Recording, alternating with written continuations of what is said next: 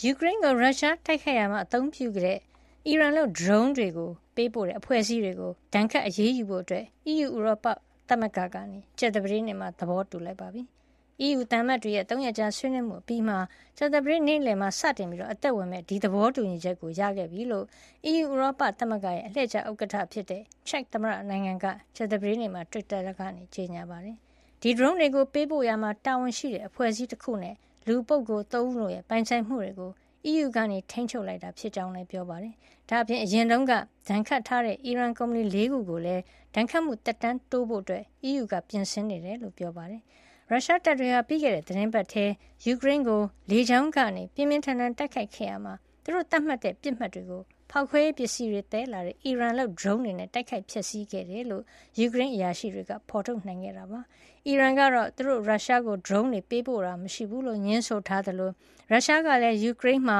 ဒီလို drone သုံးတိုက်ခိုက်တာမျိုးမရှိဘူးလို့ငြင်းဆိုပါတယ်။